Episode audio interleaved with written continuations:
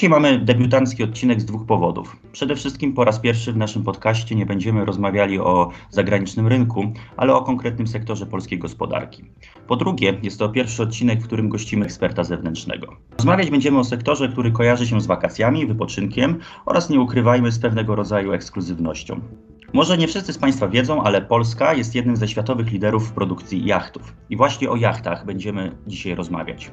Na pokładzie naszego dzisiejszego odcinka gościmy Michała Bąka, sekretarza generalnego Polskiej Izby Przemysłu Jachtowego i Sportów Wodnych Polskiej Jachty. Dzień dobry, albo właściwie ahoj, nie wiem jak powinienem powiedzieć. Dzień dobry. Drugim gościem jest Wojciech Nowicki, ekspert do spraw branży jachtowej z Centrum Obsługi Przedsiębiorstw Polskiej Agencji Inwestycji i Handlu. Dzień dobry Wojciechu. Dzień dobry, ahoj. Ahoj. No to skoro już wypłynęliśmy na te wody sektora jachtowego, to zacznijmy może od podstawowych informacji. Zacznijmy od tego, jak to w ogóle się stało, że Polska jest jednym z liderów światowych w tej branży. Zacznijmy od zdefiniowania pojęcia branża jachtowa. Otóż branża jachtowa, branża producentów jachtów i łodzi jest dużo szersza niż mogłoby się wydawać. Do tego segmentu gospodarki należy zaliczyć przede wszystkim producentów jachtów, mniejszych i większych, łodzi, ale też osprzętu, który na tych łodziach jest wykorzystywany.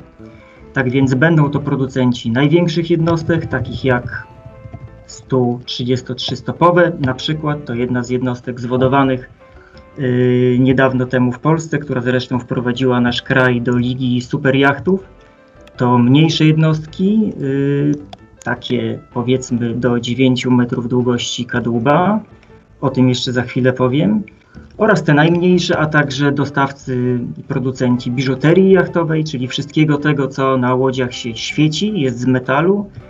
To producenci olinowania, ożaglowania, e, paneli fotowoltaicznych czy chemii jachtowej. To wszystko składa się na sektor producentów jachtów i łodzi i o tym sektorze w takim rozumieniu dziś będziemy rozmawiać. Kiedy opowiadamy o branży jachtów i łodzi zagranicznym dziennikarzom i kontrahentom, przedsiębiorcom, mówimy o tym, że Polska jest europejskim liderem w produkcji łodzi do 9 metrów kadłuba mm, z silnikiem zaburtowym oraz wiceliderem w tej samej kategorii w ujęciu światowym. Wyprzedzają nas tylko Stany Zjednoczone. Więc Polska jest bardzo mocnym graczem. Przechodząc do konkretnych liczb, szacuje się, że Polska ma potencjał do budowy mniej więcej 22-23 tysięcy jednostek rocznie. To olbrzymia liczba. Y, warto wiedzieć, że znakomitą siłą tej branży jest eksport. To jest ten komponent, który pozwala branży napędzać się w bardzo y, dużym tempie. Y, no, w czasach przedcovidowych ten e, wzrost był szacowany na nawet 10% rocznie. Mało która branża może poszczycić się tak dużym wzrostem. Jak w ogóle doszło do tego, że produkcja jachtów pojawiła się w Polsce? Rzeczywiście polski przemysł jachtowy jest obecnie europejskim liderem e, w tym e, zwłaszcza najbardziej popularnym segmencie jachtów czy łodzi motorowych o długości od 6 do 9 metrów z silnikiem zaburtowym i zajmujemy drugie miejsce e, na świecie po USA, ale należy pamiętać, że na te pozycje e, pracowały przez e, blisko 100 lat kolejne pokolenia entuzjastów jachtingu, zaczynając tak naprawdę już w okresie międzywojennym, bo to wtedy, kiedy Polska odzyskała niepodległość w 1918 roku, obudziło się zadziwiające zainteresowanie sportami wodnymi wśród Polaków zaczęły powstawać pierwsze kluby żeglarskie i wioślarskie. Ale tak naprawdę to po zakończeniu II wojny światowej, kiedy nasza linia e, brzegowa, e, morska e, wzrosła z 30 do ponad 400 kilometrów, no tutaj otworzyły się zupełnie nowe możliwości rozwoju gospodarki morskiej i też sportów wodnych.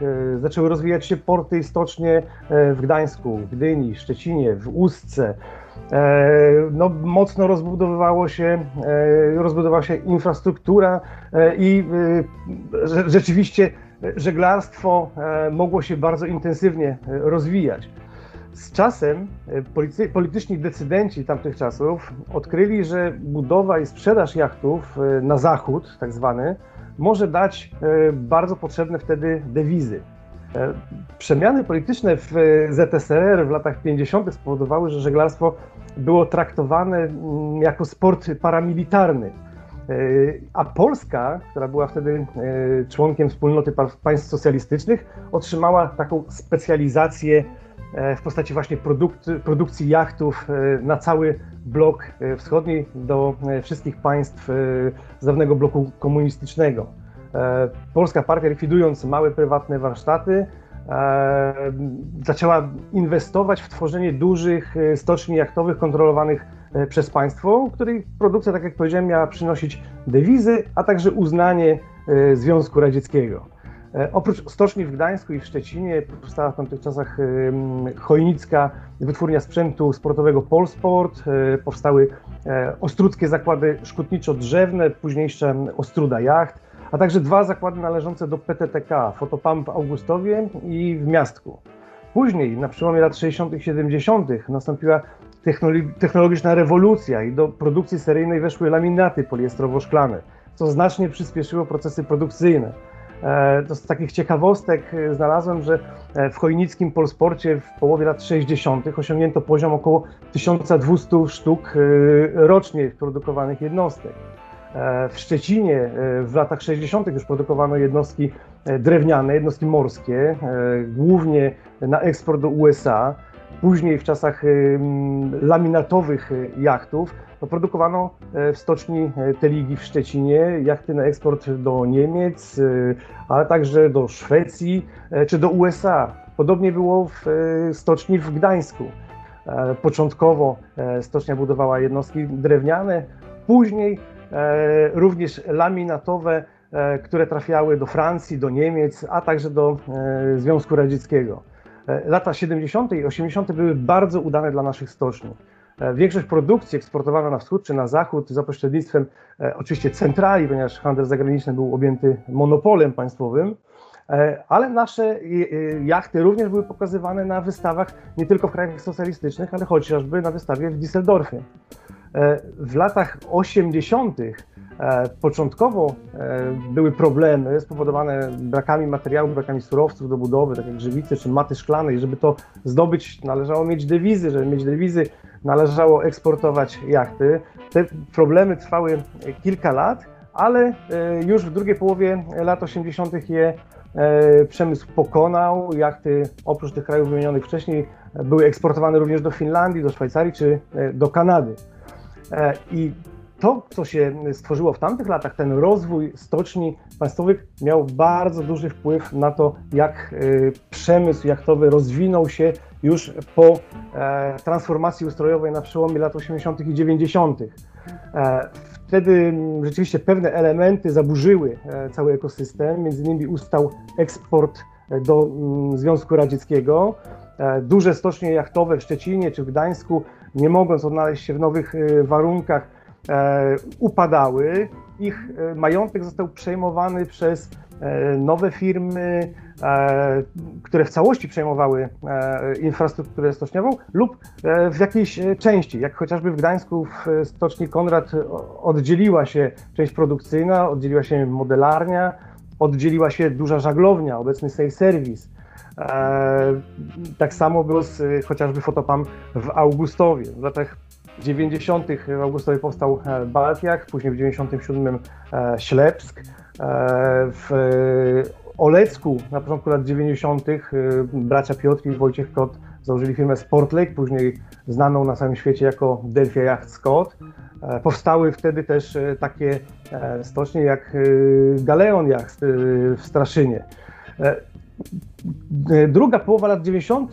I, i, późniejsze lata, no to rzeczywiście to był bardzo dobry okres dla nowych podmiotów, nowych stoczni, które powstawały, tak jak Parker Poland, Model Art, Corsiva Yachting, Sportis, Nordman, Mirage, ale, ale także Sunreef na przykład.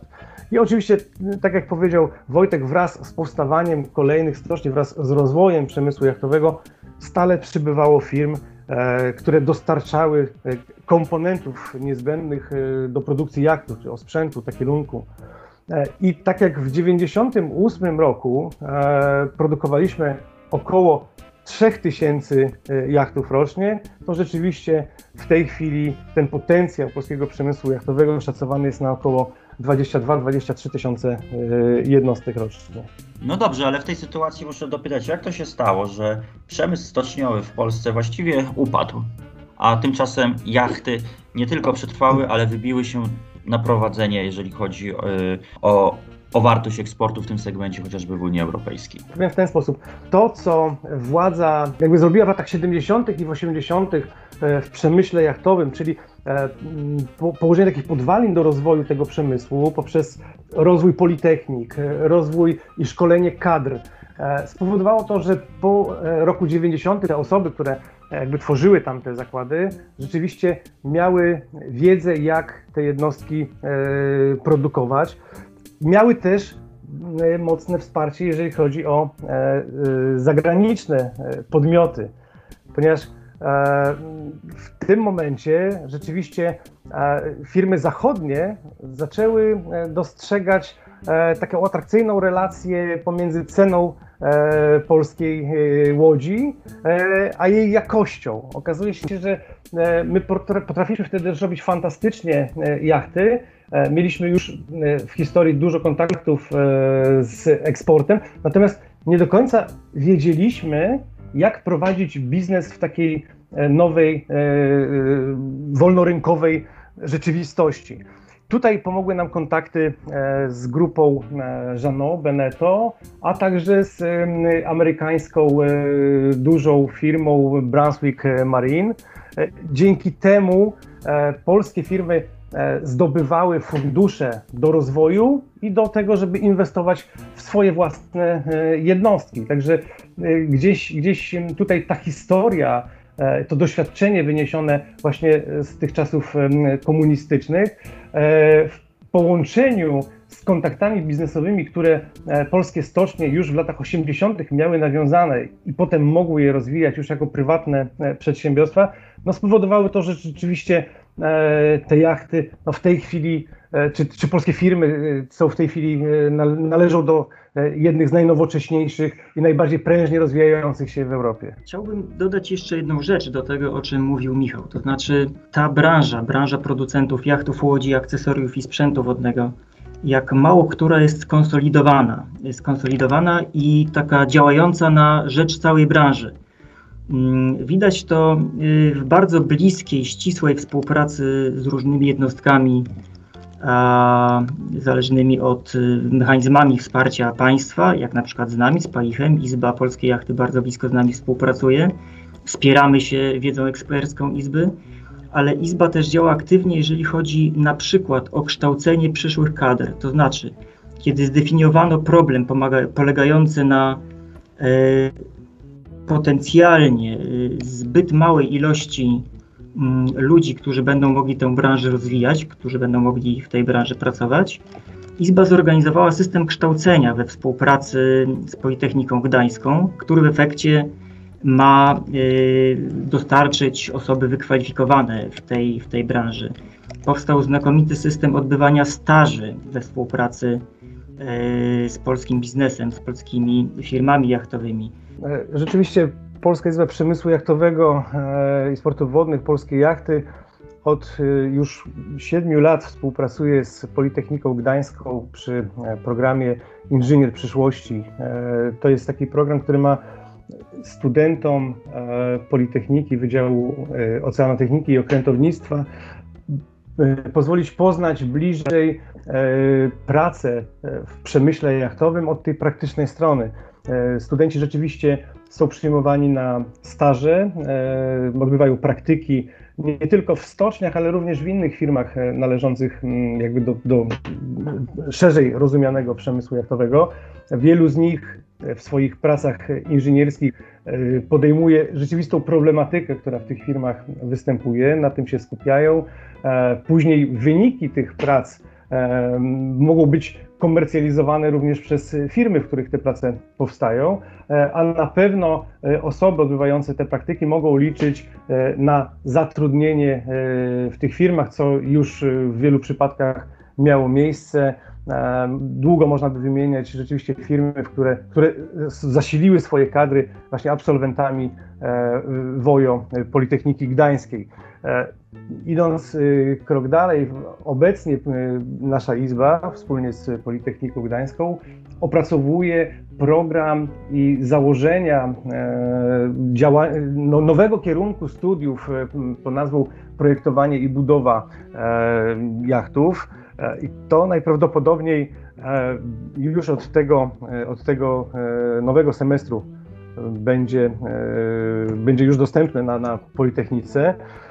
To będzie kierunek, w którym również osoby związane z przemysłem jachtowym, przedstawiciele różnych firm będą odpowiedzialni za prowadzenie pewnych zajęć. Znacznie wydłuży się ten czas też praktyki tego spotkania studentów E, właśnie z taką praktyczną umiejętnością e, projektowania i e, budowy jednostek pływających. Ale oprócz Politechniki Gdańskiej, Polska Izba Przemysłu Jachtowego również była mocno zaangażowana w powstanie kierunku szkutnika, który na wiele lat zniknął w ogóle z kategorii zawodowych polskich szkół. Współpracowaliśmy w tym zakresie zarówno z Ministerstwem Edukacji Narodowej, jak również z różnymi placówkami E, na poziomie szkoły e, zawodowej czy technikum e, z całej Polski, zwłaszcza z takich miejscowości, w których są stocznie czy inne firmy, które rzeczywiście mają taką potrzebę, żeby te kadry stale, można powiedzieć, napływały, bo, bo polskie stocznie cały czas się rozwijają i rzeczywiście w dalszym ciągu tych kadr brakuje e, i, i to jest też takie wyzwanie na kolejne lata, żeby, żeby dbać o to, żeby rzeczywiście e, te kadry się powiększały, bo to tak naprawdę e, będzie decydowało o tempie rozwoju polskiego przemysłu w kolejnych latach. Rozumiem, że po zakończeniu te, tego rodzaju studiów na Politechnice raczej ze znalezieniem pracy w sektorze jachtowym nie będzie większego problemu. No co więcej, te osoby, które rzeczywiście jakby podczas tych praktyk wykażą się, czy, czy, czy dadzą się właśnie poznać od tej takiej dobrej e, strony, to od razu mogą liczyć e, na zatrudnienie w tych firmach. Dla stoczni to też jest właśnie e, taki bardzo ważny element, że mogą już na tym etapie selekcjonować kandydatów i tych najlepszych, którzy najbardziej pasują do, do wizji zespołu, żeby już mogli w tym momencie pozyskiwać. Do tego, co mówi Michał, chcę dodać jeszcze dwa punkty. To znaczy, kiedy zaprosiliśmy do Polski y, międzynarodowych, zagranicznych dziennikarzy, jeden z nich, Amerykanin, powiedział nam rzecz, która uświadomiła, jak bardzo daleko, jak bardzo z przodu polski przemysł jachtowy jest. Otóż powiedział on mniej więcej tak. W wielu krajach mówi się o współpracy, a u Was w Polsce ta współpraca naprawdę dzieje się. I to pokazuje, że ten ekosystem złożony z instytucji państwowych wspierających przemysł, y, gigantycznej pracy, Izby Gospodarczej Polskiej Jachty, zaangażowanych w budowanie współpracy przedsiębiorców, naprawdę działa i to jest jeden z wyróżników tej branży. Y, Polska Agencja Inwestycji i Handlu pracuje z niemal wszystkimi sektorami polskiej gospodarki i są takie sektory, które współpracy między sobą y, nie mają jeszcze zbudowanej. Ta współpraca dopiero buduje się. Takim sektorom, jako przykład znakomicie funkcjonującego ekosystemu, wzajemnej pomocy i wspierania biznesu, za wzór stawiamy sektor jachtowy. Ja bym chciał tutaj wrócić do, yy, bo Wojtek powiedział bardzo ważną rzecz yy, odnośnie współpracy. Z tego, yy, co wiem, sekt, polski sektor jachtowy składa się z około tysiąca firm. Są to głównie małe i średnie przedsiębiorstwa. Jak udało osiągnąć się to, że te przedsiębiorstwa ze sobą wzajemnie współpracują, a nie rywalizują? E, firmy wiedzą, że E, w grupie można zrobić więcej, często można zrobić to taniej. E, nie bez znaczenia jest również przepływ informacji pomiędzy członkami Izby. Ponadto nasza Izba wspiera tworzenie pewnych prawidłowych zasad współpracy pomiędzy producentami, dystrybutorami, dostawcami różnego rodzaju produktów czy usług dla przemysłu. A także, tak jak wspomniałem na samym początku, całym celem jest też reprezentacja interesów branży wobec organów administracji rządowej, samorządowej czy innych instytucji. Izba rzeczywiście jest po tylu już latach działania obligatoryjnym partnerem dla, dla instytucji rządowych. Dzięki temu też E, udało nam się e, wywalczyć to, żeby e, branża jachtowa była uznawana za jedną z dziesięciu najbardziej perspektywicznych gałęzi polskiej gospodarki. Dzięki temu mogliśmy współpracować z Polską Agencją Inwestycji i Handlu przy realizacji programu Brand, który bardzo dużo tak naprawdę znowu wsparł polski przemysł jachtowy na tych rynkach pozaunijnych, na tych, na które dopiero tak naprawdę polskie stocznie wchodzą czy planują wejść. Ja myślę, że tutaj też nie bez znaczenia jest to, że przedstawiciel branży, jakim jest Izba, reprezentuje interesy polskich przedsiębiorców na arenie międzynarodowej. Izba Polskiej Jachty, czy, czy Polboat, bardziej pod taką skróconą nazwą jesteśmy e, znani za granicą. E, jesteśmy członkiem e, międzynarodowych organizacji, organizacji ICOMIA, zrzeszająca Izby Gospodarcze z całego świata. I dzięki temu mamy bardzo duży wpływ na kluczowe dla naszej branży decyzje podejmowane na poziomie Brukseli. To jest oczywiście bardzo mocno doceniane przez, przez e, polskie firmy, które no, wiedzą, że tak naprawdę e, współpracując ze sobą, a także mając takiego reprezentanta w postaci Izby Gospodarczej dbającej o interesy, e, o interesy wszystkich przedstawicieli, bo tak naprawdę no, nasze działania wykraczają poza interesy naszych członków. My tak naprawdę cały czas działamy na korzyść całej branży, również tych firm, które jeszcze członkami e, Polboatu nie są. E, więc te, te, te lata e, rzeczywiście, kiedy, kiedy ta organizacja działa, to pokazały e, wszystkim, że rzeczywiście ma to sens i zdecydowanie należy e, wspierać siebie wzajemnie, bo dzięki temu jako Polska możemy tak naprawdę osiągnąć jeszcze większe sukcesy na, na, na polach właśnie przemysłu jachtowego na świecie. Myślę, że słuchający nas przedsiębiorcy z innych branż wezmą sobie te słowa do serca i również zaczną ze sobą ściślej współpracować. Zwłaszcza, że Was przykład pokazuje, że taka współpraca rzeczywiście e, przynosi realne efekty. E, wiemy już mniej więcej, jak wygląda sektor jachtowy w Polsce, ale nie ukrywajmy, najważniejsze jest, jak już ten jacht wyprodukujemy, to to, żeby go z sukcesem sprzedać. Tutaj bardzo dużą rolę odgrywa właśnie eksport. Jak wygląda kwestia sprzedaży polskich jachtów za granicą? Bo domyślam się, że mamy tutaj do czynienia troszeczkę z inną historią niż ze sprzedażą chociażby produktów spożywczych, które po prostu paletami jadą, bo są zakontraktowane. Eksport jachtów, który no, w czasach przedpandemicznych był szacowany nawet na 500 milionów euro rocznie, jest definiowany moim zdaniem dwoma czynnikami. Znaczy, pierwszy to jest czynnik e, kraju, który zleca w Polsce produkcję. Jeżeli mówimy o produkcji zleconej do Polski z krajów Skandynawii, no to wtedy marki skandynawskie e, to, to jest ich naturalny kierunek eksportu. Jeżeli mówimy o produkcji zleconej przez firmy amerykańskie, no to pewnie Stany Zjednoczone, chociaż może nie tylko, dlatego że ta produkcja wtedy będzie sprzedawana na rynkach europejskich. Całościowo szacuje się, że polski eksport to jest około 95% produkcji, więc y, bardzo, bardzo dużo. Mm, natomiast drugi czynnik, który ja zauważam, to jest taki wynikający z potencjału firm.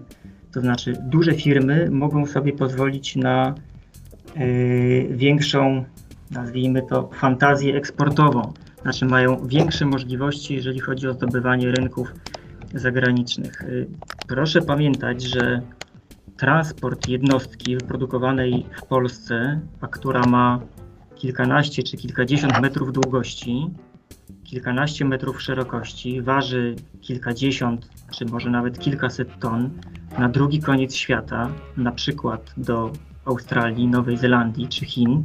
To jest gigantyczne przedsięwzięcie logistyczne, które też jest obarczone gigantycznymi kosztami, więc na takie, mm, na, na takie kierunki eksportowe mogą sobie pozwolić największe firmy.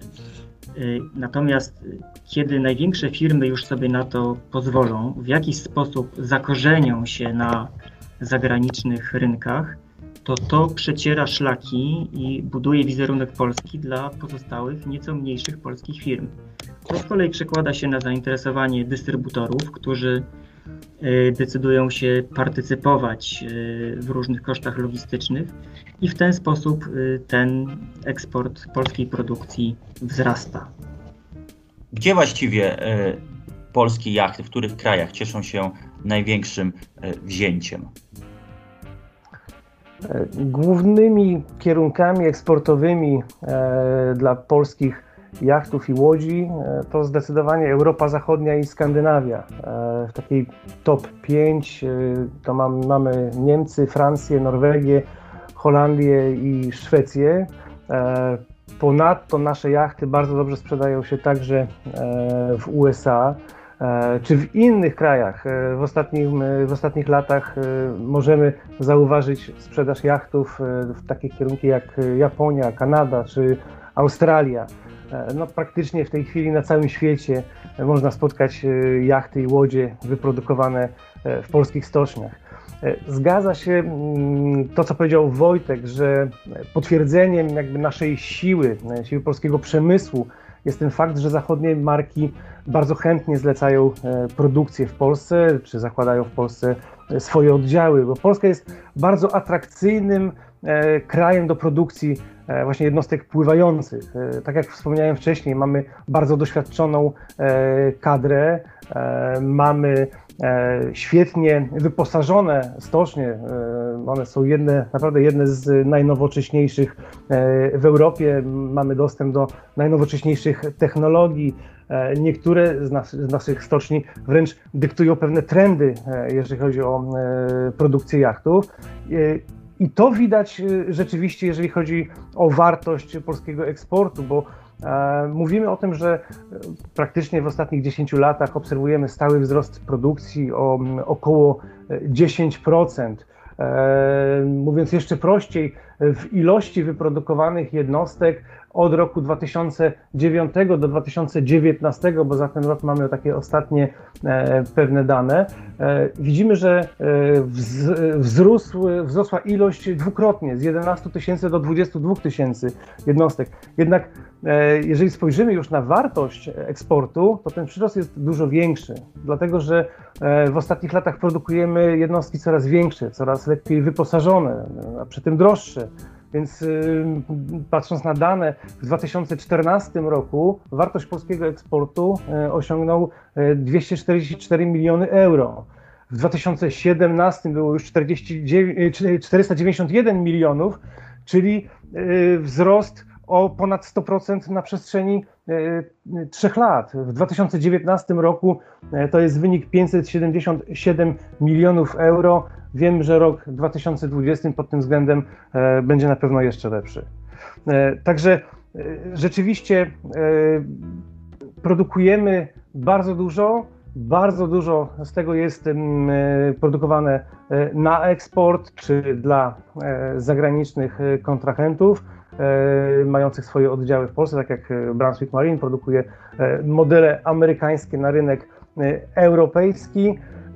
No i nic nie wygląda, żeby się ta sytuacja miała w najbliższych latach zmienić. Dalej zakładamy, że, że będzie się to umacniała ta nasza przewaga względem innych krajów. Myślimy, że kolejni gracze E, będą e, szukali w Polsce możliwości do tego, żeby swoje jednostki również e, tutaj produkować. Chciałem jeszcze spytać, jak to się właściwie dzieje, że w momencie, kiedy rozmawiamy o takich produktach kojarzących się z Polską, to zaraz ktoś powie o eksporcie polskich jabłek, ktoś powie o biżuterii z bursztynów, ale jachty, mimo swoich dużych sukcesów w eksporcie, no nie są branżą widoczną. Z czego to wynika? Ja bym powiedział, że mm, to zależy y, skąd się patrzy, czy są widoczną branżą, czy nie są widoczną. Dlatego że eksport y, wynosi 95% produkcji mniej więcej, y, a jedynie 5% produkcji zostaje w Polsce, no to z polskiej perspektywy ta branża jest może mało widoczna. Z perspektywy odbiorców zagranicznych, ja myślę, że ta branża byłaby bardzo widoczna, gdyby tylko była mocniejsza świadomość o tym, że łódź, na której użytkownicy pływają po zagranicznych wodach, ma plakietkę Made in Poland.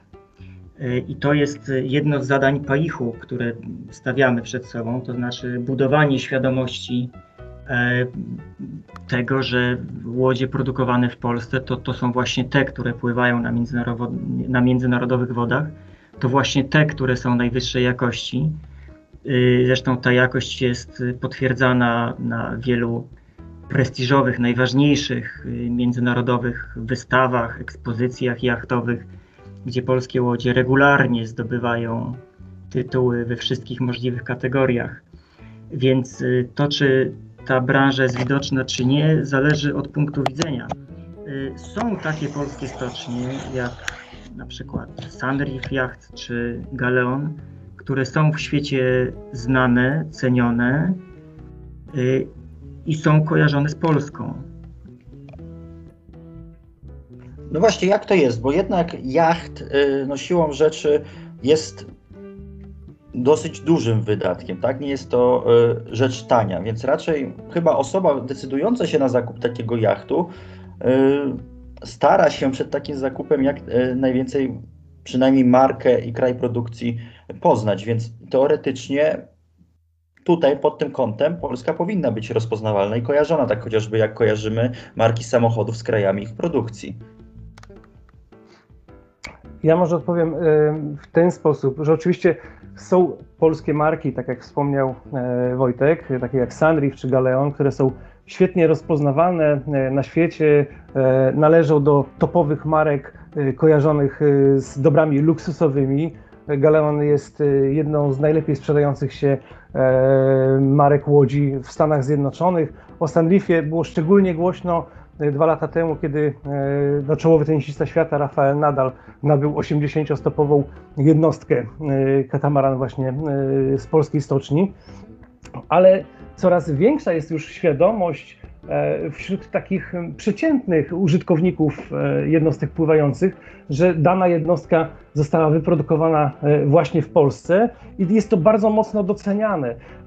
Jeszcze E, powiedzmy kilkanaście lat temu rzeczywiście te stocznie zachodnie gdzieś ten fakt starały się ukryć, czy może niespecjalnie nagłaśniać, ale w tej chwili e, jacht produkowany w Polsce e, pod jakąkolwiek marką by, by, nie został sprzedawany, to to, że on e, został wyprodukowany w tej części Europy jest synonimem najwyższej możliwej jakości.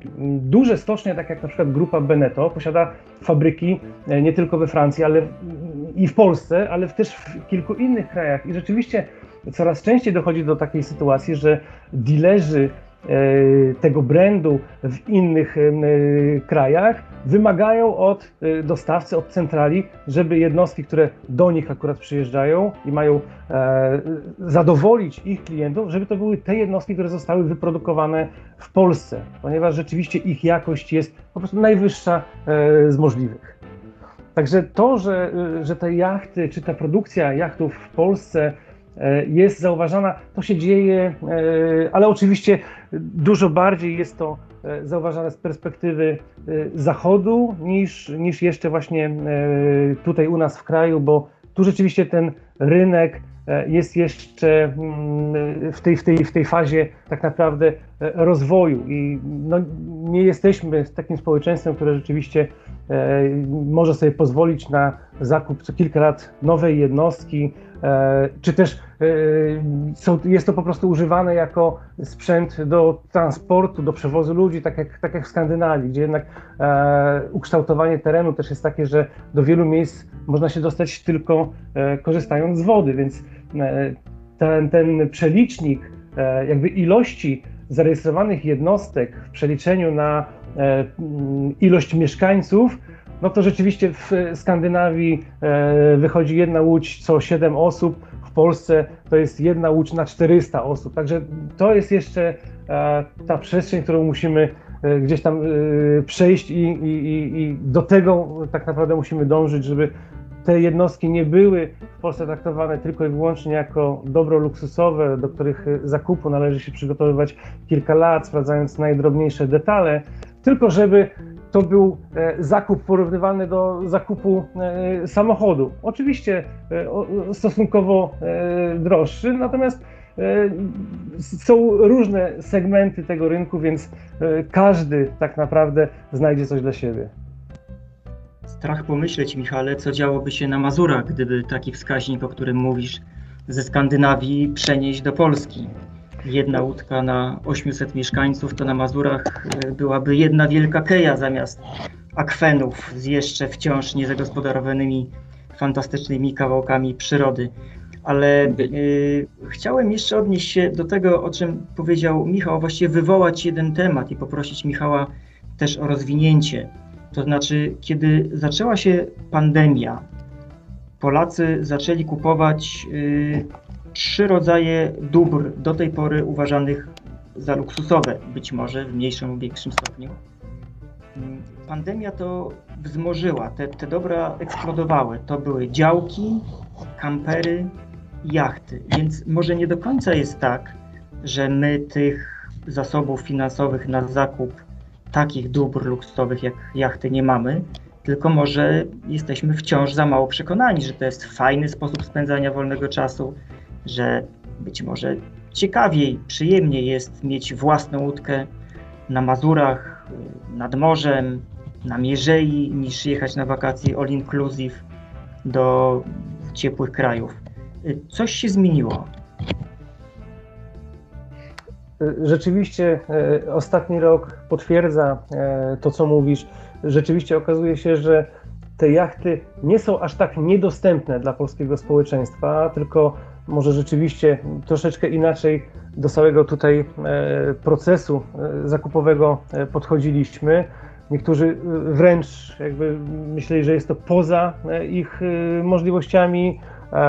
Niektórzy bardzo długo decydowali się żeby, e, żeby taką własną jednostkę e, nabyć. E, ostatni rok i, i, i pandemia, z którą oczywiście no, nie, ma, nie ma żartów.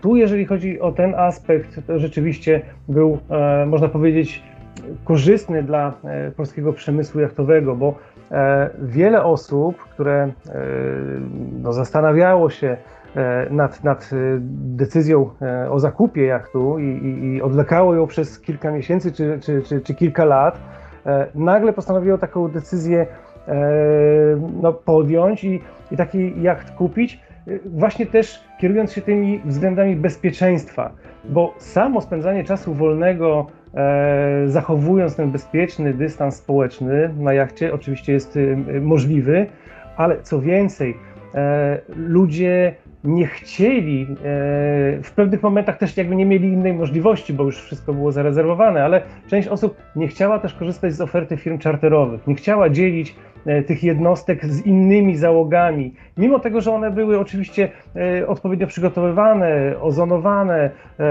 były zachowane wszystkie restrykcyjne przepisy w tym względzie, to jednak część osób właśnie podjęło decyzję, żeby kupić taką jednostkę tylko dla siebie i spędzać e, wakacje ze swoją rodziną czy z przyjaciółmi w bardzo e, bezpieczny sposób. E, inną rzeczą było też to, co zaobserwowaliśmy, czyli wpływ obniżenia stóp procentowych. Oprocentowanie lokat spadło niemal do, niemal do zera. Więc tak naprawdę E, osoby, które nie chciały trzymać e, nadwyżek finansowych gdzieś na rachunkach e, bankowych, no, uważały, uznały, że większy tak naprawdę pożytek czy, czy, czy lepszy sposób obracania tymi pieniędzmi może przynieść zakup jachtu który początkowo może być dla siebie, ale może też być przeznaczony tak naprawdę do czarterów w tym okresie, kiedy właściciel z niego nie korzysta. E, jachty trzymają swoją cenę, e, nie tracą zbyt mocno e, na, na wartości, I to też miało duży wpływ właśnie w, w 2020 roku na to, że bardzo mocno zaobserwowaliśmy wzrost zainteresowania e, zakupem jednostek, bo nie tylko już jakby e, samymi sportami wodnymi, bo to też oczywiście, ale mówimy tutaj już konkretnie o zakupach jednostek pływających przez właśnie e, społeczeństwo polskie. E, no, w ubiegłym roku rzeczywiście sprzedawało się wszystko, co, co, na czym można było pływać i co było dostępne. E, bo w pewnym momencie już, już rzeczywiście e, nie było, nie było już niczego, a wcześniej e, praktycznie jachty żaglowe, motorowe, każdej wielkości, houseboty, czekaliśmy kilka lat na to, żeby wreszcie w Polsce przyjęła się też taka kultura właśnie korzystania z odpoczynku na domach pływających, czyli housebotach. Czy oczywiście, czy oczywiście sprzedaż skuterów, która no, w ciągu ostatnich kilku lat ma stałą tendencję e, wzrostową w naszym kraju. Także koronawirus rzeczywiście przyspieszył to e, i, i rzeczywiście no, myślimy, że ten trend też się utrzyma w najbliższej przynajmniej przyszłości. To jak już jesteśmy przy koronawirusie, to nie sposób nie zapytać, jak przełożył się również na sprzedaż eksportową dla polskich jachtów.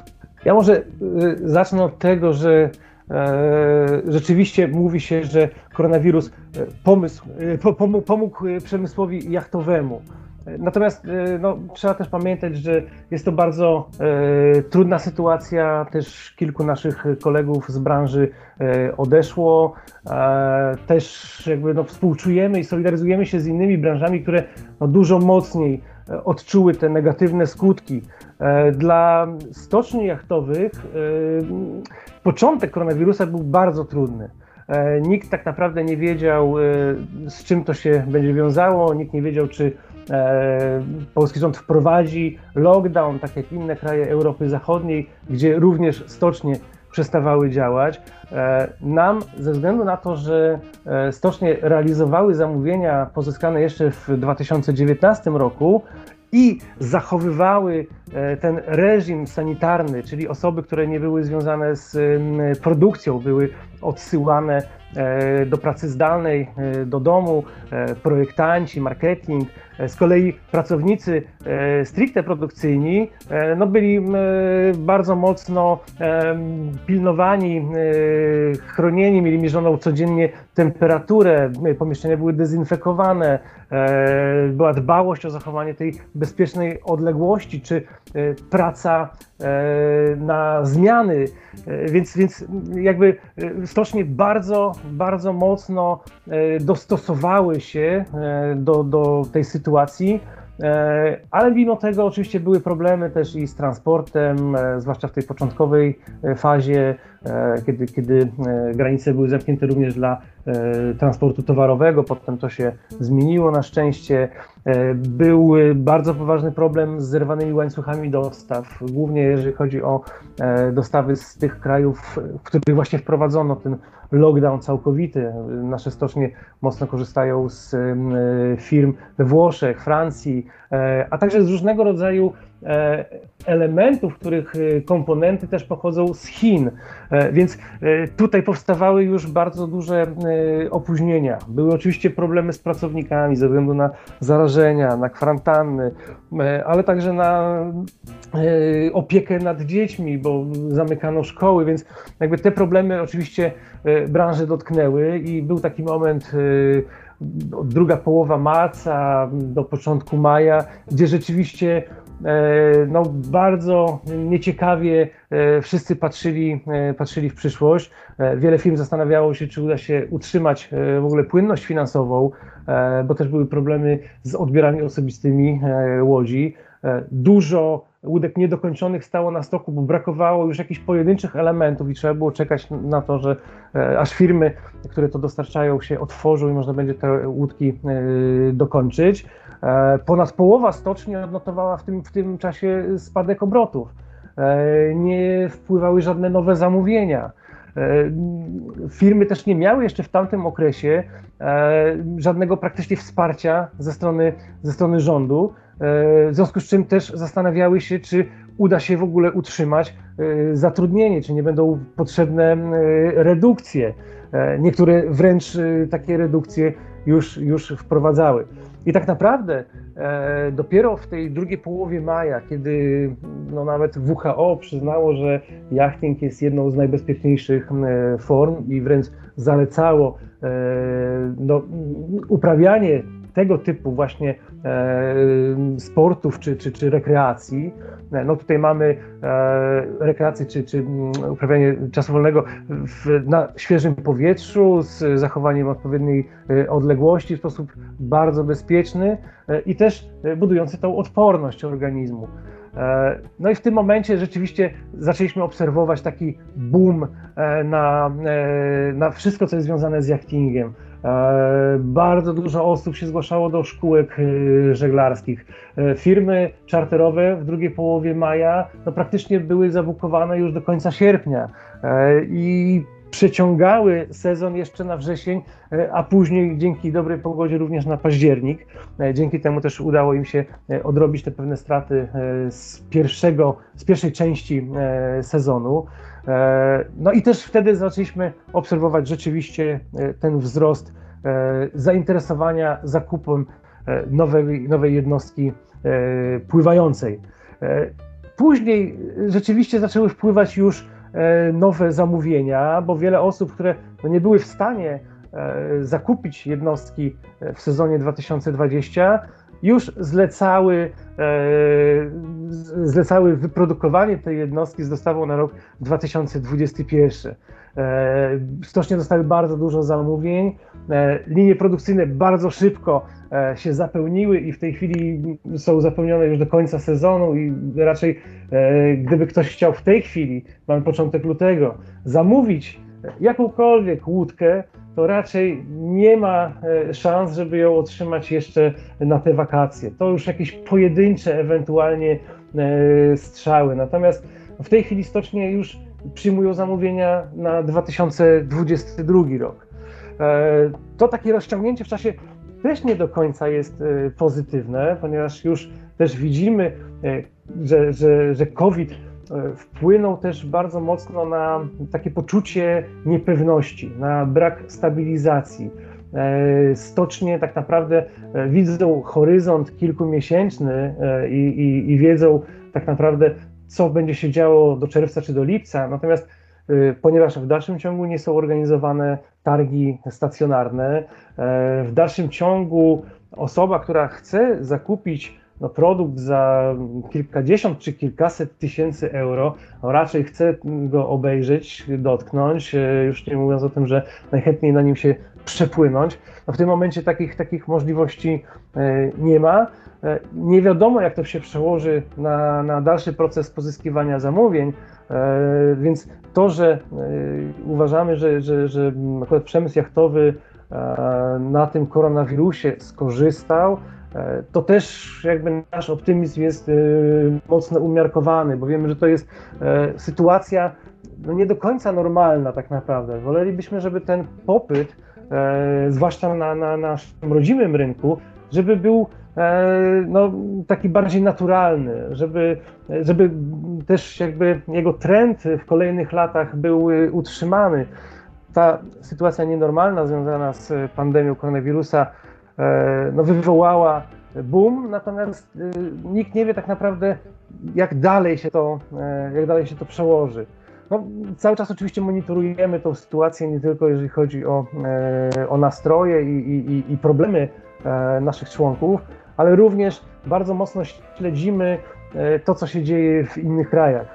No, przez to, że jesteśmy, tak jak wspomniałem, członkiem europejskiej organizacji European Boating Industry, a także światowej e, ICOMI, e, mamy dostęp do informacji e, z innych krajów, dostajemy na bieżąco taki skrót najważniejszych informacji ze wszystkich krajów, ze wszystkich branż. To samo robiliśmy już w tej początkowej fazie koronawirusa w 2020 roku w kwietniu. Co tydzień, co dwa tygodnie aktualizowaliśmy informacje E, gdzie jest ogłaszany lockdown, do kiedy ma potrwać. Panowie, będziemy powoli kończyć nasze dzisiejsze spotkanie. E, dużo mówiliśmy, od tego właściwie zaczęliśmy, e, od silnej pozycji e, polskich jachtów na świecie, więc zakończmy naszą rozmowę próbą odpowiedzi na pytanie, co właściwie jeszcze polska branża jachtowa może osiągnąć. Ja może powiem w ten sposób, że oczywiście ta silna eksportowa pozycja Polski jest rzeczywiście e, powszechnie znana i doceniana w Europie i na świecie. E, Teraz przed nami tak naprawdę to, co powiedziałem wcześniej, taki e, czas e, uaktywnienia naszego rynku, e, żeby to, co się wydarzyło w 2020 roku, ten wzrost zainteresowania sportami wodnymi i jachtingiem w Polsce, nie był e, taką jednorazową sytuacją, tylko żeby rzeczywiście on mógł się przekształcić w taki e, stały trend. E, I tutaj oczywiście potwierdzam już, że e, będziemy organizować i kolejną edycję akcji Zostań Wodniakiem, czyli tej akcji skierowanej do osób, które do tej pory nie miały możliwości w ogóle skorzystać w żaden sposób z jachtingu, żeby go poznać. To będziemy realizować w maju, natomiast w terminie 15-18 lipca planujemy drugą edycję Polboat Yachting Festival e, i rzeczywiście na tą edycję, jeżeli sytuacja na świecie e, będzie sprzyjająca, chcemy zaprosić kilkunastu czołowych dziennikarzy branżowych, e, którzy pomogą nam w wypromowaniu polskiego przemysłu jachtowego jeszcze szerzej na świecie. Co poza tym? No, nie wiemy tak naprawdę, co przyniesie też najbliższa przyszłość, więc będziemy starali się bardzo dynamicznie e, reagować i wspierać e, polskie firmy, e, ponieważ, tak jak powiedziałem już wcześniej, sytuacja w dalszym ciągu nie jest stabilna. Wszyscy zdają sobie sprawę, że przyszłość może przynieść kolejne zaskakujące sytuacje i będziemy musieli sobie z tym, z tym poradzić. Widzimy już e, pewne problemy z łańcuchami dostaw, e, problemy jeżeli chodzi o e, absencję pracowników i różnego rodzaju inne kłopoty, z którymi będą się mierzyć polskie stocznie w najbliższym czasie. Ale oczywiście naszym głównym celem jest rozwój, nie tylko utrzymanie tej pozycji europejskiego lidera w tym segmencie jachtów od 6 do 9 metrów, ale e, także wejście na, do segmentów e, z jednostkami o e, troszeczkę e, większych e, gabarytach. E, Liczymy, e, że oczywiście nasze e, dobra luksusowe, e, tak jak Galeon czy Sunreef, w dalszym ciągu będą się e, rozwijać i będą umacniać e, ten wizerunek Polski w tym e, segmencie.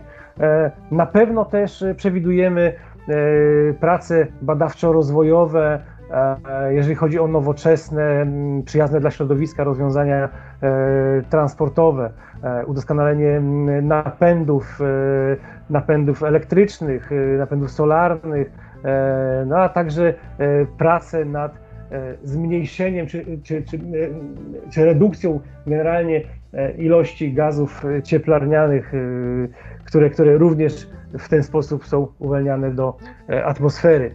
E, No jest bardzo dużo e, pracy, e, ale patrząc na to, co w tej chwili dzieje się w polskich stoczniach, gdzie e, rzeczywiście e, kolejne nakłady są e, przeznaczane na, na inwestycje, na automatyzację, e, na rozwój e, firm generalnie, bo powstają e, nowe hale w wielu, w wielu miejscach. Widać, że polskie stocznie przygotowują się, e, żeby rzeczywiście w następnych latach e, jeszcze bardziej tą produkcję e, rozwinąć e, i zdystansować już zupełnie e, pozostałe kraje Europy Zachodniej w- pod tym względem. A tymczasem dziękuję bardzo za to, że dopłynęli Państwo z nami do końca. Naszymi gośćmi był Michał Bąk, sekretarz generalny Polskiej Izby Przemysłu Jachtowego i Sportów Wodnych Polskie Jachty oraz Wojciech Nowicki, ekspert do spraw branży jachtowej z Centrum Obsługi Przedsiębiorstw Polskiej Agencji Inwestycji i Handlu.